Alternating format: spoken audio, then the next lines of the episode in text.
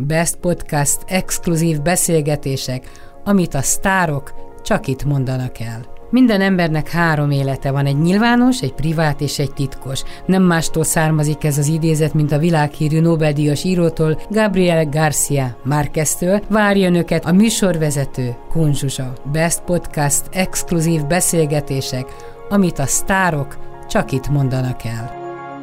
Rost Andrea a vendégem, örülök, hogy utolértelek téged, bár azt gondolom, hogy most ezekben a nehéz időkben mindenkit könnyebb utolérni, mert hát senkinek nincs idézőjelben úgymond dolga, otthon van és Így. maradj otthon, de aztán úgy eszembe jutott az is a maradj otthon felhívások között, hogy amikor te egy picivel több mint 30 éve elindultál a pályádon, akkor valaki mondta rád rólad, hogy a Jóisten azért küldött téged a földre, hogy énekeljél, és vajon most a Jóistennek mi a célja veled, hogy gondolkodtál ezen? Először is üdvözlöm a, a hallgatókat, és téged is nagy szeretettel. Én azt gondolom, hogy most mindannyiunkkal célja van, tehát nem csak velem, hanem mindannyiunkkal, és mindannyiunknak van most feladata, ki, kinek-kinek a saját tudása, természete, illetve tehetsége szerint. Úgyhogy én azt gondolom, hogy itt a, a, a zenészeknek ugyanúgy, mint a, a, az eladónak a, a boltokban, vagy a, a gyógyszertárakban, te, és egyébként az édesanyáknak, édesapáknak otthon, a gyerekekkel. Szóval itt most mindenkinek elég erőteljesen ki kell venni a, részét olyan, olyan szerepekből is, amiket néha elfelejtettünk, hogy azok a mi szerepeink. Például, hogy a háztartásban mindent rendbe tartani általában ugye sokunknak megvan az a luxus az életében, hogy nem kell takarítani. De ezek ilyen nagyon, hogy most mondom, egyszerű dolgok az életben, de hogy ezeket most meg kell tenni, teljesen más az egymáshoz való viszonyunk, sokkal inkább figyelünk egymásra, és azt gondolom, hogy ez így most, ez így most rendjén is van, hogy végre egy kicsit kaptunk egy pofont az élettől, hogy hé, itt nem csak az a lényeg, hogy egész nap lótunk, futunk, telefonálunk, tárgyalunk, dolgozunk, rengeteget dolgozunk, és közben megfeledkezünk az életünkről. Tehát ami, amit úgy szépen elélünk, elmorzsolgatjuk a napjainkat, ha már mondtad igazából... a takarítás, neked hogy megy a takarítás, a főzés, kertesházban, vagy a, a kertművelés, tehát minden olyan, amiről most a, a nagy távlatokban beszélsz, azt most te is végig kell, hogy csináld. Abszolút, abszolút. Nagyon érdekes volt, az első nagy takarítás után azt hiszem két napig nem bírtam megmozdulni. Tehát nem mondom azt a közmondást, amire, amit erre szoktak mondani, mert lehet, hogy valaki megsértődne ezen, de, de hát nem, szokta, nem szokták azok az izomzatok a munkát, amit, amit itt elő kellett venni, de azt kell, hogy mondjam, hogy jól is esik. Jól is esik, a második, harmadik már egész könnyen ment, a vasalás az nem az én oldalam, az, azok ott állnak hegyekben, azt majd nem tudom, nem tudom, egyszer csak el fog tűnni valahogy valami varázsütésre, de egyébként minden nagyon szeretek itthon csinálni. És nagyon érdekes, hogy, hogy, hogy a sütésfőzés is mennyire jól esik. Hát igen, mert nem kell arra gondolnom, hogy jó, most hol kéne lennem ehelyett. Most nagyon a jelenben vagyunk, tehát soha nem kívánkozunk el, vagy nem tudunk elkívánkozni abból a pillanatból, ahol éppen vagyunk. Most mosogatni kell, most takarítani kell, most gyerekkel kell lenni, most egymással kell lenni. Egyébként ez is nagyon-nagyon fontos, hogy tényleg akiket szeretünk, vagy akit szeretünk, azzal, azzal valóban időt kell együtt lenni, és megtehetjük, hát ez csodálatos. És hát életemben először a kertemben most, most van zöldség, és lesz borsó, és lesz karalábé, tehát el vannak ültetve a palánták és a magok, úgyhogy locsolgatjuk szépen gyerekeiddel tudsz találkozni, vagy abszolút karanténban vagy? Mivel az én egyik gyermekem, a fiam, ő Zürichben, tehát Svájcban él, tehát így abszolút nem látjuk egymást, csak hogyha Messengeren, vagy Skype-on, vagy egyéb ilyen helyen ugye megkeressük egymást és beszélünk egymással, de hát személyesen nem tudunk találkozni. Úgyhogy ez most egy olyan húsvét volt sajnos, ahol nem volt együtt a család. A lányomék itt vannak, úgy mondom, hogy a lányomék, mert neki vőlegénye van, és az idén fog férhez menni. Ó, gratulálok! Igen, úgyhogy ezért történnek itt nagyon szép családi események is közben, reméljük, hogy meg lehet majd tartani június végén, és ővelük együtt négyesbe voltunk, újdonsült párommal. Ki az újdonsült Hát párod? majd egyszer csak ez, ez, ez majd ki fog tudódni, gondolom én, de most nem akarom ezt így az éterbe bele beszélni. Hát csak annyit mondj, hogy opera énekes? Nem. nem, nem, nem, nem. Hát volt nekem már zenész férjem, úgyhogy én nem óhajtottam utána zenésszel kezdeni, hogy ilyen csúnyán fogalmaznak. Úgyhogy ez így nagyon, nagyon kellemes, és nagyon jól telik az idő. Természetesen a zene nem marad ki az életünkből, semmiféle zene. Tehát nem csak, hogy az opera és a komoly zene, de a jazz, a könnyű zene sem marad ki. Főzés közben, borozgatás közben, reggelizés közben, tehát minden közben, és csak úgy is, hogyha le, leülünk és hallgatjuk, azért itt van velünk főleg velem a zene. Tanítok is egyébként, van egy japán növendékem, ugye mint visiting professzor ott vagyok a Zeneakadémia énektanszakán, és van egy olyan japán növendékem, aki miattam jött ide egy évre ösztöndíjat tanulni, és hát szegényt most ugye csak a Skype-on tudom tanítani. Minden héten legalább kétszer találkozunk egy megbeszélt időpontban. A Skype-on próbálunk nem kiesni a, a, a rutinból. Azért ez egy érdekes dolog, hogy egy japán tanítvány idejön érted miattad. Ha semmit nem tudnánk rólad, akkor azért ez egy elég csillagos ötös bizonyítvány, hogy, hogy Rost Andreáért ide jönnek Japánból tanulni, énekelni. Igen, nagyon, nekem is nagyon jól esik, és hát próbálok is mindent odaadni és átadni. Egy nagyon tehetséges leányzóról van egyébként szó, koloratúr szoprán, egészen fantasztikus adottságai vannak, és hát, mint ahogy minden japán növendék, elképesztően szorgós, szorgalmas, kitartó, kíváncsi. Hát vannak persze a, a japán nyelv miatt vannak nehézségei, ugye az olasz és a francia magánhangzókkal és kiejtéssel úgy abszolút, de, de hát ebben próbálok neki segíteni, nem könnyű.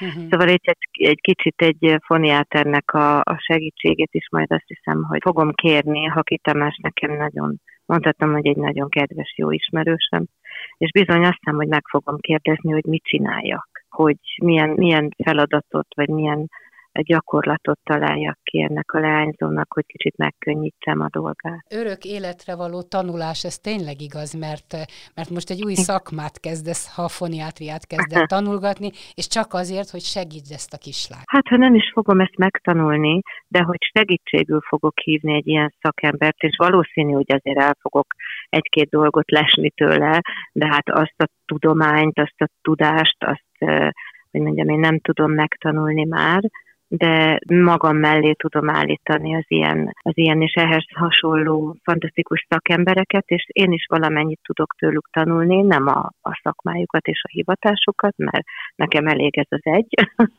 hanem, hanem tényleg ellesni tőlük, és, és hát tanácsot kérni. Igen, mindig tanulni kell. Ez így van. van. Eszembe jutott, és még visszatérek egy picit, mert mondtad, hogy előbb-utóbb majd kiderül, hogy ki a te párod és társad. Társad eszembe jutott Bartoknak a kékszakálú hercegvára, és Judit, hogy a hatodik és a hetedik ajtón ne menjen be az ember, mert ne legyen annyira kíváncsi, hogy volt-e ez neked egy életre szóló tanítás, hogy nem kell annyira kíváncsinak lenni, hogy csak szeress és ne kérdezz. Vagy érezz és ne kérdezz, mondhatnám máshogy is. Hogy igaz-e ez a mondás, szerintem? Nagyon igaz. Nagyon igaz. És a türelem. Tehát, hogy nagyon türelmesnek kell lenni ahhoz, hogy aztán tényleg az ember egy az, hogy megismerje a másikat. Tehát nem lehet ajtóstól, ajtóstul rontani a házba, mert hogy akkor nagyon sok minden szépséget elveszítünk. Ha meghagyjuk a, az időt, és, és türelmesek vagyunk. Sok mindenben egyébként nem csak párkapcsolatban, de egyéb kapcsolatokban, meg a munkában, meg a gyerekekhez való viszonyunkban. De hát egy szerelemben meg abszolút azt gondolom, hogy a türelem az, az nagyon, Na jó, nagyon de hát ezt, ezt az élet meg a kor tanítja meg az emberrel, mert azért, ha összehasonlítod mondjuk a 20 éves Ross Andreát a mostani akárhány évessel, hát azért biztos visszaemlékszel a te türelmedre. Az ide nekem az oroszlánt, nem?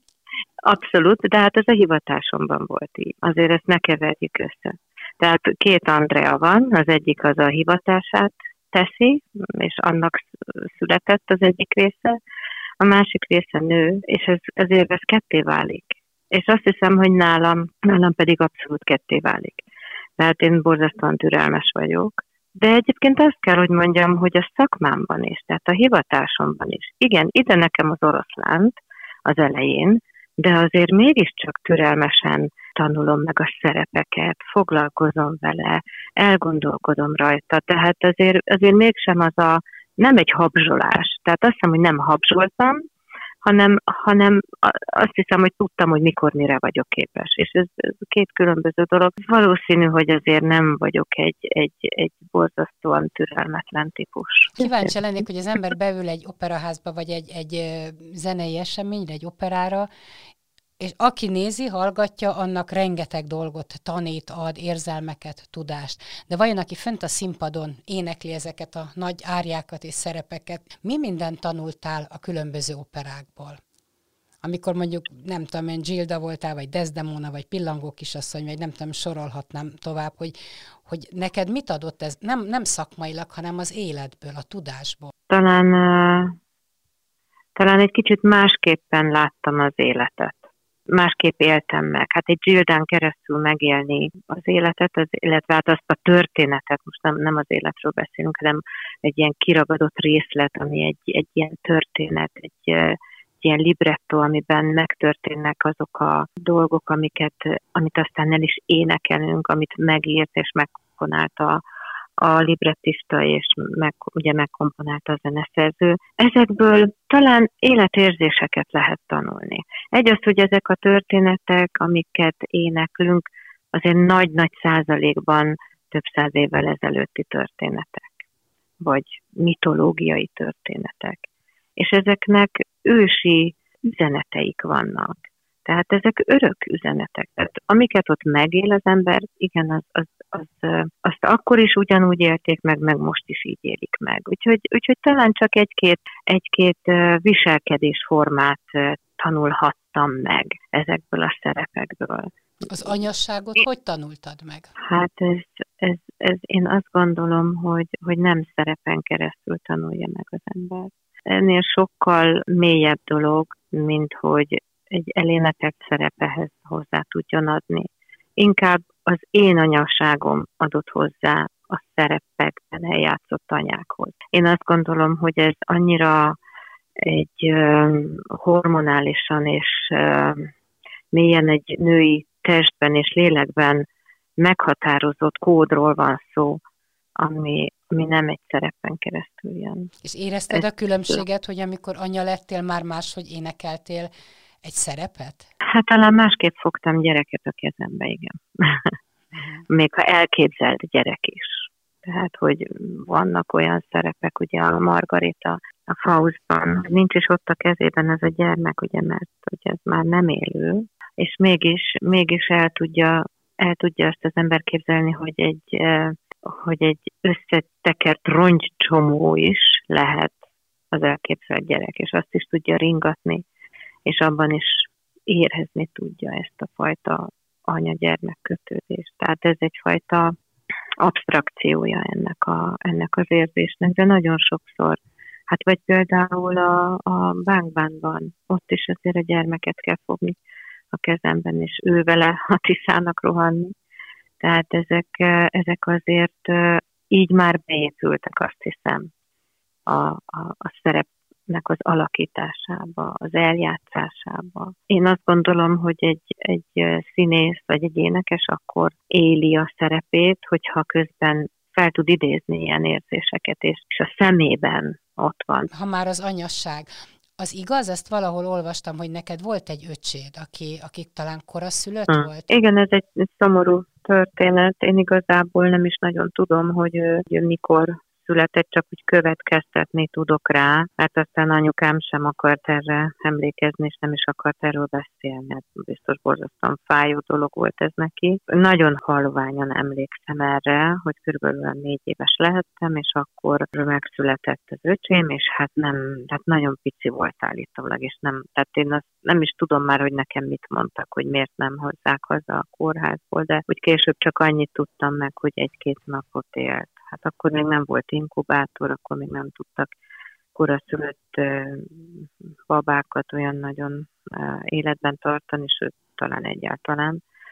És, és mivel úgy emlékszem, hogy talán a hetedik hónap végén, tehát ugye ez a legborzasztóbb, ez a legveszélyesebb időszak, akkor született, és hát mivel a fiúk nem nagyon élnek túl egy ilyet, még akkor is, hogyha már ugye inkubátorba kerülnek, hát sajnos ez, ez így történt.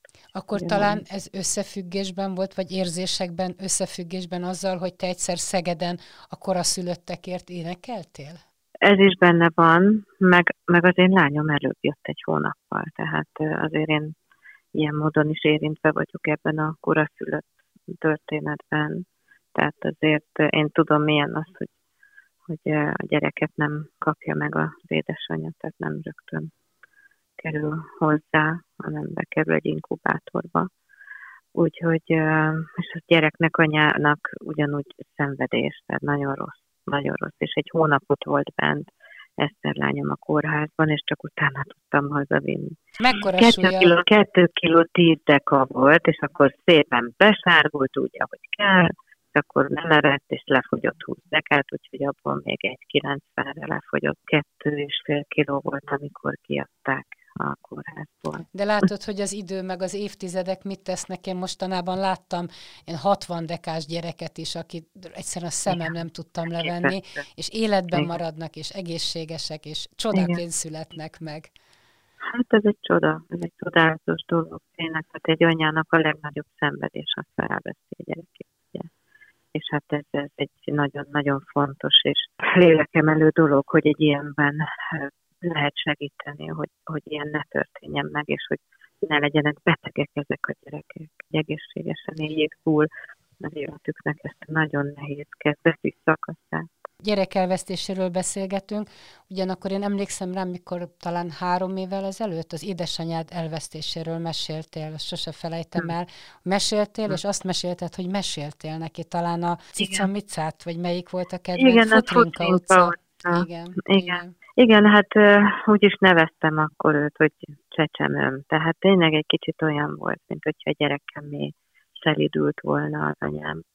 És, és ezek nagyon szép pillanatok voltak, és hát ezt meg, tudtuk így élni. Hát aztán persze jöttek már a sokkal durvább pillanatok is, amikor már nem lehetett vele kommunikálni, de, de azért ezek voltak, és ezek nagyon szépek voltak, és nagyon szépen zárult a mi nem annyira könnyű kapcsolatunk. Mi volt a, a nehéz? Szerintem egy anya-lánya kapcsolat sem könnyű. Fiúnak az apjával kell megvívni a harcát, ugye a lánynak az anyjával, édesanyjával. És ráadásul engem a nagyszüleim neveltek, tehát az anyai nagyszülők, nagyszüleim, tehát valahogy ez az imprinting sem a, a, a szüleimmel történt meg, hanem a nagyszüleim kettő hónaposan kerültem a nagyszüleimhez. Onnantól kezdve ők voltak az én szüleim, tehát én hozzájuk kötöttem igazából. Persze nagyon szerettem a szüleimet, mert egy nagyon jó gyerek voltam, és tudtam, hogy szüleimet szeretni kell.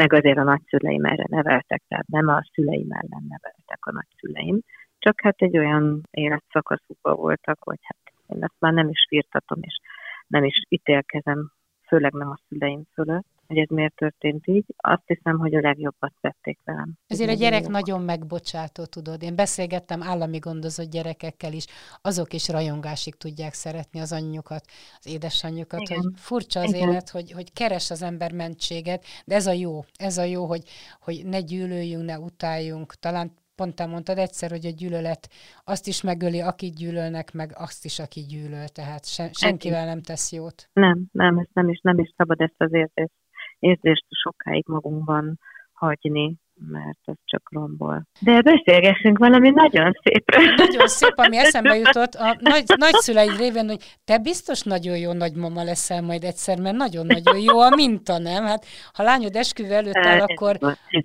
Igen, igen, akkor talán igen, egyszer igen. majd a, az unoka is megérkezik. Igen, valószínű, hogy így lesz. Hát nem leszek egy szokványos, azért egy szokványos nagymama, tehát én azt hiszem, hogy nem fogok kötögetni meg állni a konyhában, bár azért néha az is biztos lesz. Én inkább a hónom alá csapom azt a csemetét, aztán viszem és megyek vele, de, de biztos, hogy, biztos, hogy meg fogok változni azért egy kicsit. Hát mindenkin változtat. De hogy akkor valami egészen másról is beszéljünk, és talán ezzel majd zárhatjuk is a beszélgetést. Én nem hallottam a te előadásodat, de vissza fogom hallgatni, a, a megvan a Magyar Művészeti Akadémián a székfoglalód, és nagyon izgatna, hogy mi volt ebben a gyermeklelkű férfi és a, a, a Bartóki nő, talán ez volt a címe? Igen.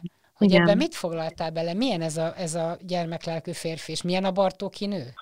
Hát akkor ezt meg kell hallgatni, mert ezt azért olyan nagyon egyszerűen nem lehet elmagyarázni. Nekem a, a a Bartók zenéje, és, és, ez a, és ez a Judit, mint nő.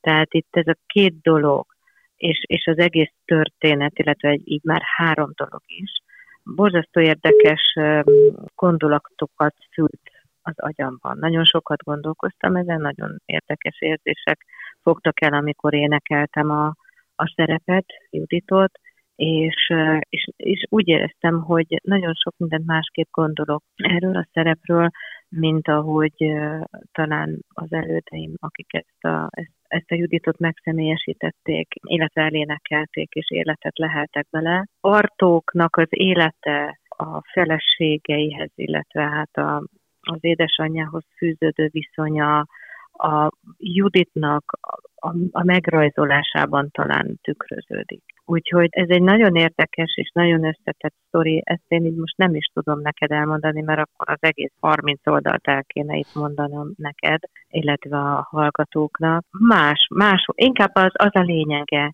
hogy más volt az én Juditom. Egy sokkal fiatalabb nő, egy sokkal kíváncsibb, de a természetéből adódóan erre hivatott, hogy, hogy azt a férfit válassza, aki, aki nagyon is más, mint a többi, és hogy igenis elhagyja, elhagyja azt, a, azt az utat, ami a járt út, és választ egy olyan férfit, akiben, akiben tulajdonképpen valahol egy, egy rendkívül izgalmas, összetett férfit, férfi jellemet talál meg és aztán megadja magát ezeknek a, a pusztító dolgoknak is benne. A kíváncsisága pedig a, a női mi volt, hogyha egy érett nő lenne, nem kérdezne ilyeneket. Akkor tudná, hogy ezt a férfit békén kell hagyni. Nem kell mindent tudni a másikról, kell abban a pillanatban elfogadni, ahogy van. És nem, nem kutakodni, a, nem kutakodni a, a múltjában, hanem a, a jelenben maradni, és a jövőt tervezni. Ezt te megfogadod a saját életedre? Talán most már vagyok ennyire bölcs. Uh-huh. És talán most ez az egész helyzet is megerősíti ezt. Bizony, most teljesen a jelenben élek. Tehát semmiféle múltal nem foglalkozom. Nagyon érdekes az én életem, hogy alakul. Tehát, az én, tehát az, hogy én tavaly el is költöztem a házamból Budaörsről. 33 évet laktam Budaörsön. Elköltöztem Solymára egy teljesen más közegbe, teljesen más helyre, és egy új fészket raktam magamnak. És ez az egész mostani helyzet ezzel a vírussal, ez pedig jött uh, ugye a, a, a nagybőjtben, és aztán újjászülettünk a húsvétban. Ez mind-mind nekem is, az életemben is egy újnak a kezdete, egy újjászületés. Meghal a régi, és felépül, és feltámad az új. Tehát ez, én azt gondolom, hogy meg fog változni a világunk. Én sem vagyok ugyanaz, de az egész világnak úgy érzem, hogy változnia kell ahhoz, hogy, hogy egészségesen mehessen tovább az életünk. És a megújult, újjászületett Rost Andrea most boldog? Hm, nagyon. De jó ezt hallani. nagyon, nagyon, nagyon. Talán még soha, soha nem voltam ennyire kiegyensúlyozottan boldog. Kívánom, hogy ez maradjon így nagyon-nagyon sokáig. Köszönöm. Köszönöm, Köszönöm a beszélgetést. Rost Andrea volt a beszélgető társam. Nemzetközi világhírű operaénekes, sok mindent mondhatnék, de tudom, hogy te ennél lényegesen szerényebb vagy, tehát a neved a, a, a márkád, akárhogy Igen. is ragoznám. Köszönöm, Igen. hogy itt voltál. Én nagyon szépen köszönöm a beszélgetést. Best Podcast exkluzív beszélgetések, amit a sztárok csak itt mondanak el. Minden embernek három élete van, egy nyilvános, egy privát és egy titkos. Nem mástól származik ez az idézet, mint a világhírű Nobel-díjas írótól, Gabriel Garcia Márqueztől. Önöket a műsorvezető Kunzsuzsa. Best Podcast exkluzív beszélgetések, amit a sztárok csak itt mondanak el.